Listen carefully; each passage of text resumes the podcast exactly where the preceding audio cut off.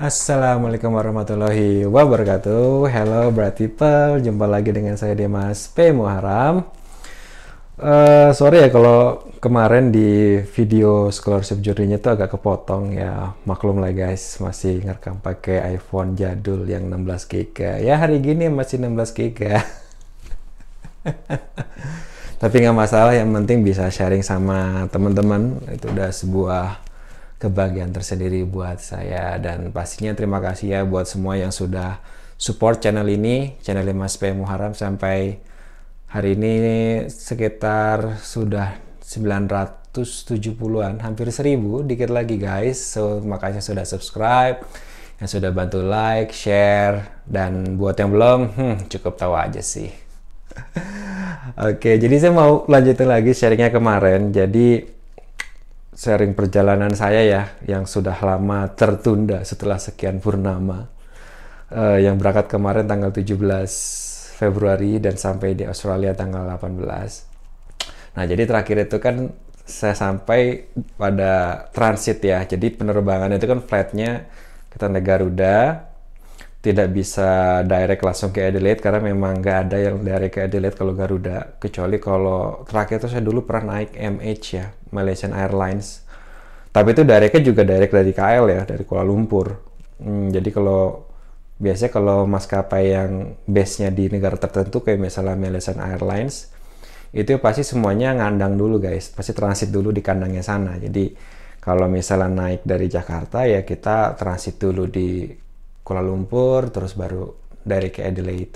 Terus juga kalau misalnya saya baca sih kalau naik SQ naik Singapore Airlines uh, kita misalnya dari Jakarta ya pasti ke Singapura dulu baru dari ke Adelaide. Nah kalau Garuda itu dari Jakarta ke Sydney dulu, Sydney baru naik nyambung Kantas atau yang lain, nah, tapi kemarin kebetulan naik Kantas ke Adelaide-nya. Nah terus um, saya juga sempat warning ya bahwa kalau misalnya transit di Sydney upayakan cari yang waktu transitnya itu jangan terlalu singkat ya kayak misalnya cuma satu jam dua jam gitu. Meskipun mostly sih penerbangan Garuda itu cukup tepat waktu ya sampainya tuh sekitar sampai jam, jam 9.30 waktu Sydney di Kingsford Smith Airport tapi butuh waktu lumayan untuk transitnya gitu. Jadi jangan yang cuma satu atau dua jam. Saya kebetulan kemarin tuh 6 jam. Dan dari terminal 1 ke terminal 3 di Kantas. Nah ada satu yang mungkin bisa jadi notes juga buat teman-teman bahwa kan bawaan kita banyak ya. Saya sama adik saya itu bawa koper aja tuh masing-masing dua belum yang hand carry gitu kan. Itu jadi lumayan banyak dan kalau waktu di Soekarno Hatta itu kemarin ya gampang, pas dateng langsung cari troli, tinggal dorong, tinggal sorong gitu kan. Nah ternyata pas di Kingsford um, Smith itu pas sampai di Terminal 3 saya nggak tahu ya mungkin teman-teman ada informasi boleh di share ya karena kita itu turun dari bus yang bus shuttle busnya itu di uh, arrival ya bukan di departure itu pas mau ambil troli kita disuruh bayar. Dan bayarnya itu nggak bisa pakai cash lagi guys. Itu ternyata harus pakai debit card atau kredit card. Ya untungnya ada saya punya kredit card. Um, jadi bayar sekitar 4 dolar untuk sekali pemakaian trolinya. Ya udah jadinya ambil satu troli didorong-dorong lah sampai ke tempat.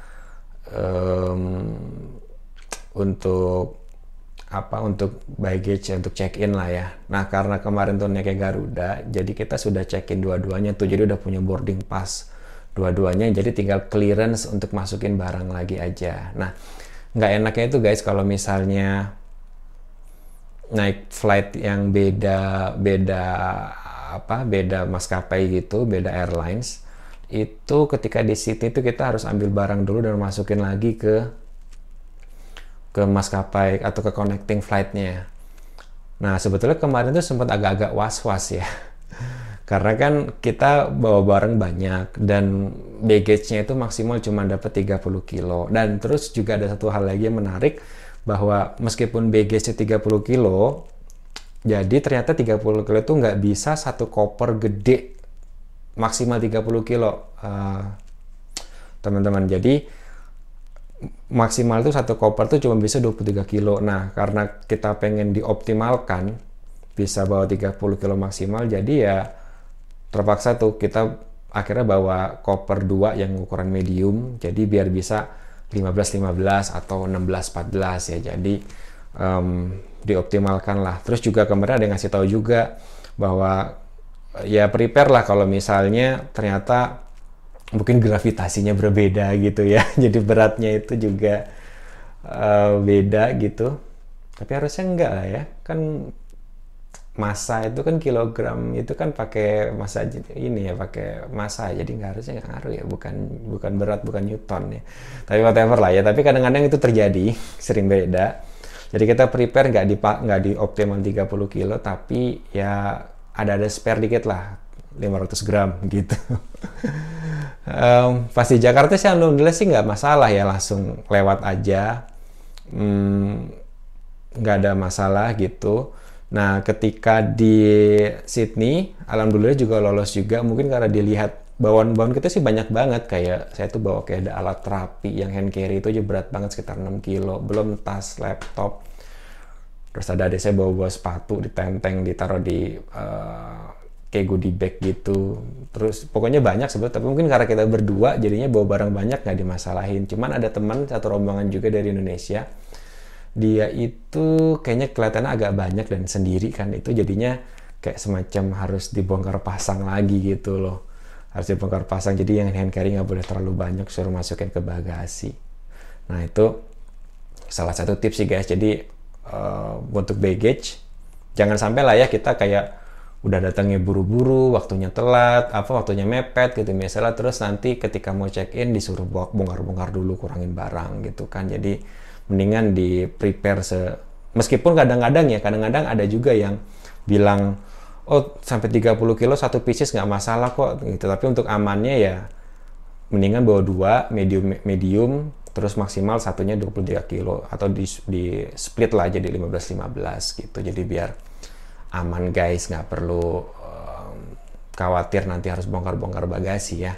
Gitu. Terus untuk hand carry sih kemarin itu pas di kantas ya sebetulnya sih boleh cuman satu ya maksimal tuh 10 kilo gitu. Cuman di terakhir itu ada pengumuman bahwa yang bawa hand carry banyak itu boleh dibawa ke atas uh, tapi kayak ditaruh nggak ditaruh di atas um, kabin kita ya tapi kayak ditaruh di satu tempat dikumpulin di tertentu gitu pokoknya boleh bawa barang banyak lah gitu kayak itu kayak sebetulnya kayak kebijakan um, insidental aja sih tapi nggak kita nggak bisa rely on ke aturan itu ya. Jadi untuk amannya ya hand carry maksimal 10 kilo lah ya. Terus juga jangan sampai beberapa pieces maksimal dua pieces aja atau satu pieces itu udah aman.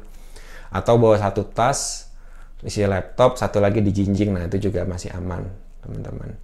Terus juga untuk baggage seperti itu.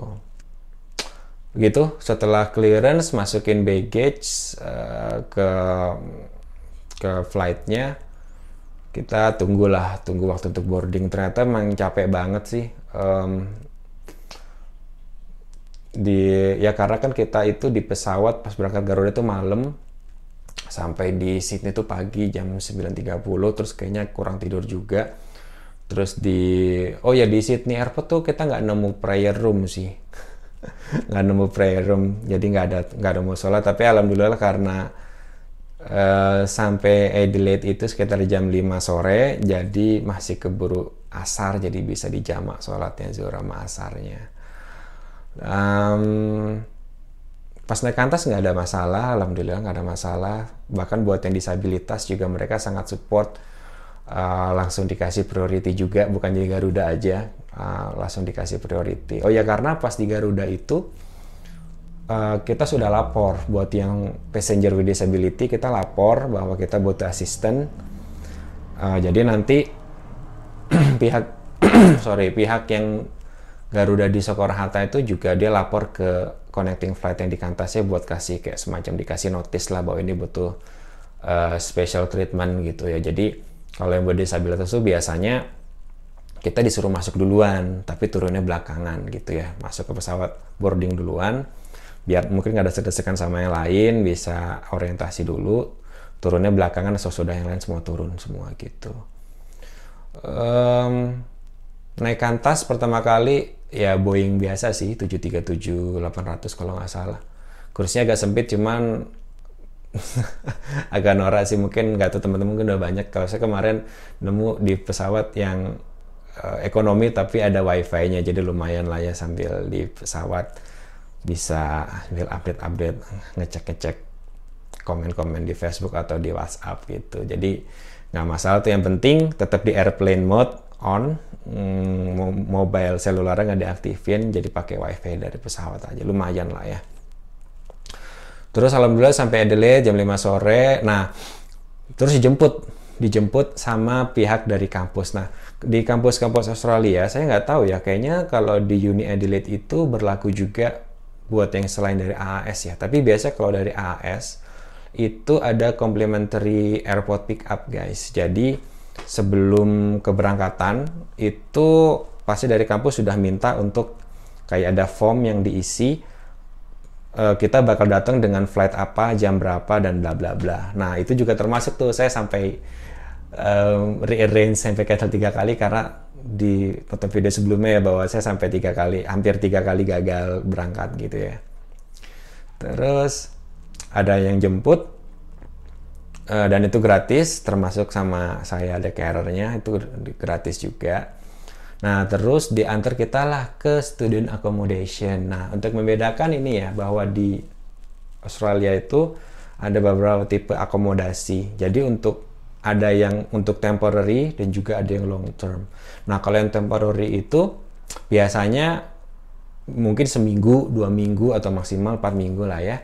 Teman-teman itu kayak semacam kasih waktu ya lah, ya lah ya buat buat settle gitu dengan lingkungan baru atau juga butuh temporary accommodation untuk cari long term yang kira-kira sesuai dengan kebutuhan. Nah, temporary-nya itu bisa beberapa hak, bisa beberapa pilihannya. Saya kemarin ada teman yang dari Laos, dia itu pilih di hotel. Jadi kayak hotel di dekat sini di Terrace, di dekat kampus. Itu dia seminggu itu kalau nggak salah kemarin cerita itu 500 eh, ya, tapi mereka berdua 500 dollar itu berdua, eh, seminggu mereka berdua. Nah, kalau yang saya pilih itu di student accommodation. Jadi student accommodation itu bisa dikatakan kayak asrama, baik itu asrama yang dikelola langsung sama kampus atau yang ada kerjasama sama kampus. Nah, saya itu pertamanya itu mau temporary di di sini di student accommodationnya yang memang punyanya Uni Adelaide, namanya the University of Adelaide Village. Kampung lah ya tapi ya nggak tahu. Jadi pengen ngerasain lah oh Adelaide Village kayak gimana gitu ya. Tapi ternyata karena saya itu keberangkatannya ditunda sampai dua kali dan pas saya berangkat itu sudah full book. Jadi ya sudahlah. Akhirnya nggak dapet gitu ya. Akhirnya dicarikan student accommodation juga. Cuman ya udah kerja sama-sama kampus itu di di Weymouth Street gitu. Tuh student accommodation juga. Nah kekurangan kelebihannya apa sih kalau student accommodation? Kelebihannya adalah kalau yang misalnya anak AAS nih ya, itu kita bisa nggak bayar dulu. Karena kita kan datang ini nggak punya duit ya, kita nggak punya dolar. Meskipun udah disuruh sih bahwa harus prepare minimal kayak 300 atau 500 dolar buat eh, kebutuhan pada saat itu ya kalau misalnya uh, pembayarannya nanti payment yang tertunda, untuk fortnightly payment yang tertunda dan lain-lain.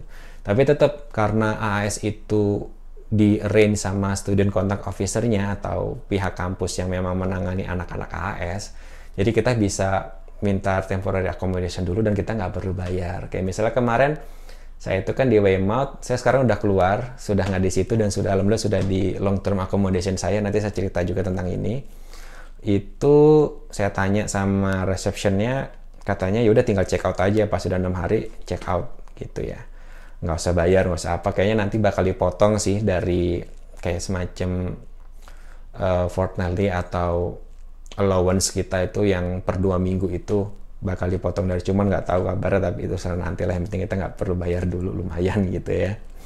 Nah cuman kekurangan itu sebetulnya mahal banget guys. Jadi kayak misalnya uh, student accommodation itu udah kecil, ya kecil banget lah ya, cuman ukuran kamar, kayak terus juga kamar mandinya kecil, ya kayak asrama lah ya.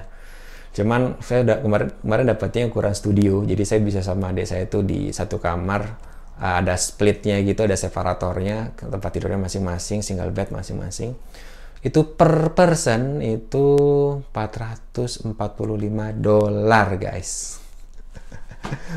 One week loh ya, satu orang itu seperti itu um, emang mahal banget gitu ya. Cuman mau gimana lagi yang paling gampang itu nggak perlu nyari ribet-ribet nyari sendiri nggak perlu bayar dulu. Karena memang di sini itu di warning kalau misalnya untuk yang long term accommodation jangan pernah bayar dulu sebelum inspe sebelum inspection atau ngelihat langsung atau datangin langsung um, akomodasinya.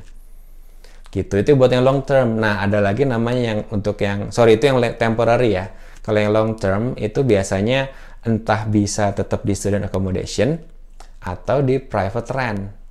Nah kalau di student accommodation itu biasanya kalau tadi itu kan harga 445 itu harga karena kita hanya temporary seminggu ya. Biasanya kalau um, yang long lease kayak misalnya 6 month atau 12 month gitu untuk yang sewa jangka panjang itu kemarin saya ada cerita dari teman dari Malaysia dia di student accommodation di uh, di University of Adelaide Village. Itu kan kalau harga mingguannya tadinya itu harga temporarinya itu cuma tiga uh, bukan cuman sorry itu 355 dolar per week. Mahal juga sih tapi masih lebih murah dari ketimbang yang di Wemot ya ya malum lah nasib mulut telatan ya. Nah pas saya tanya dia kalau misalnya dia dia tuh ngambil listnya setahun sewa setahun itu berapa? Jatuhnya cuma 200 uh, Australian dollar per per week. Masih mahal cuman itu udah inklusif all bills gitu ya kayak AC list, uh, listrik gas dan uh, internet itu mereka udah nggak mikirin lagi kayak gitu. Nah, cuman kalau di long term accommodation itu biasanya bisa dapat harga lebih murah, entah kayak 170, 160. Kadang-kadang ada yang udah inclusive bills. Cuman ya kelemahannya mungkin jaraknya agak jauh karena ini kan kita Uni Adelaide di, di CBD ya di tengah kota. Uh, Uni Adelaide, Uni SA, uh, di Adelaide kan ada, ada tiga kampus besar yang public public university. Ada Uni Adelaide, Uni SA itu di Noteres di kota, semuanya di CBD tengah kota ada lagi Flinders University itu dia ada kampusnya juga sih yang kecil di kota, cuman yang besar yang main campusnya itu di daerah Bedford sana, jadi agak agak pinggir lah ya. Nah itu buat teman-teman yang di Flinders sih nggak masalah, mereka dekat kampus pun juga murah tuh, lumayan relatif murah lah ya.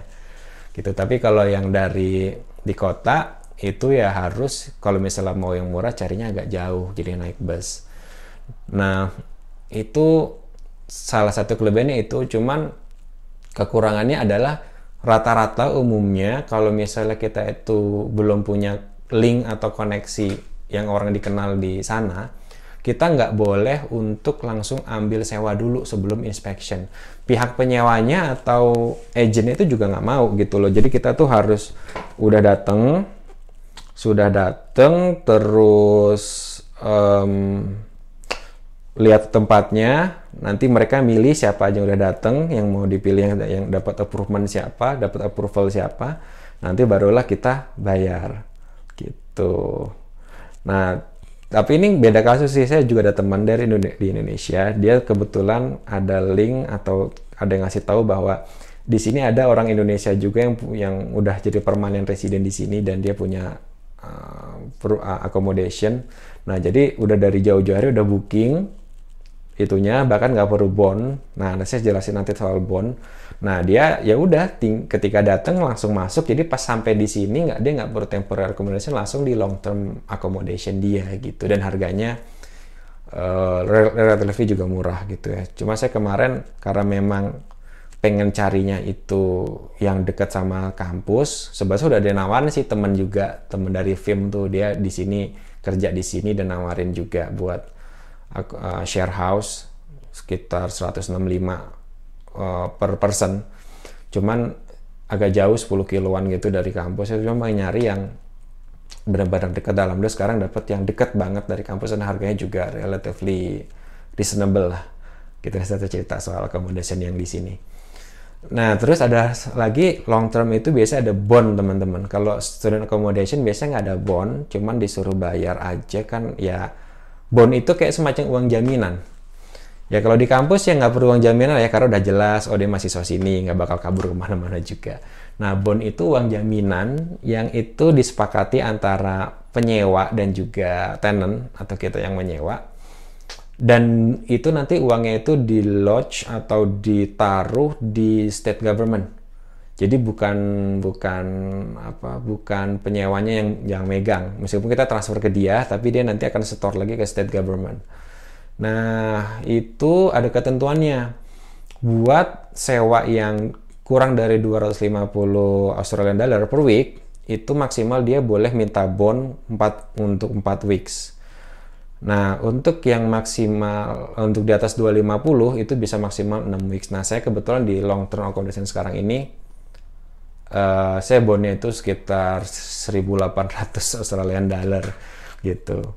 Nah, itu akan di lodge ke state government dan nanti di akhir di akhir masa sewa itu bisa akan dikembalikan atau bakal jadi dipotong kalau misalnya kita itu mungkin ada kerusakan atau ada apa. Ya nanti saya akan kasih tips yang lain ya. Pokoknya itu semacam uang jaminannya. Jadi salah satu kekurangannya adalah dia butuh bond butuh uang jaminan gitu. Jadi buat teman-teman yang mungkin scholarshipnya agak mepet nggak dapat uang agak kayak semacam establishment fund establishment allowance kayak anak-anak AS mungkin agak sulit ya gitu. Tapi alhamdulillah kemarin ada gitu ya buat teman anak-anak AS itu ada establishment allowance di awal gitu ya sekitar 5000 Australian dollars nah itu lumayan bisa kepake untuk bond ya hitung-hitung kita nabung juga lah ya.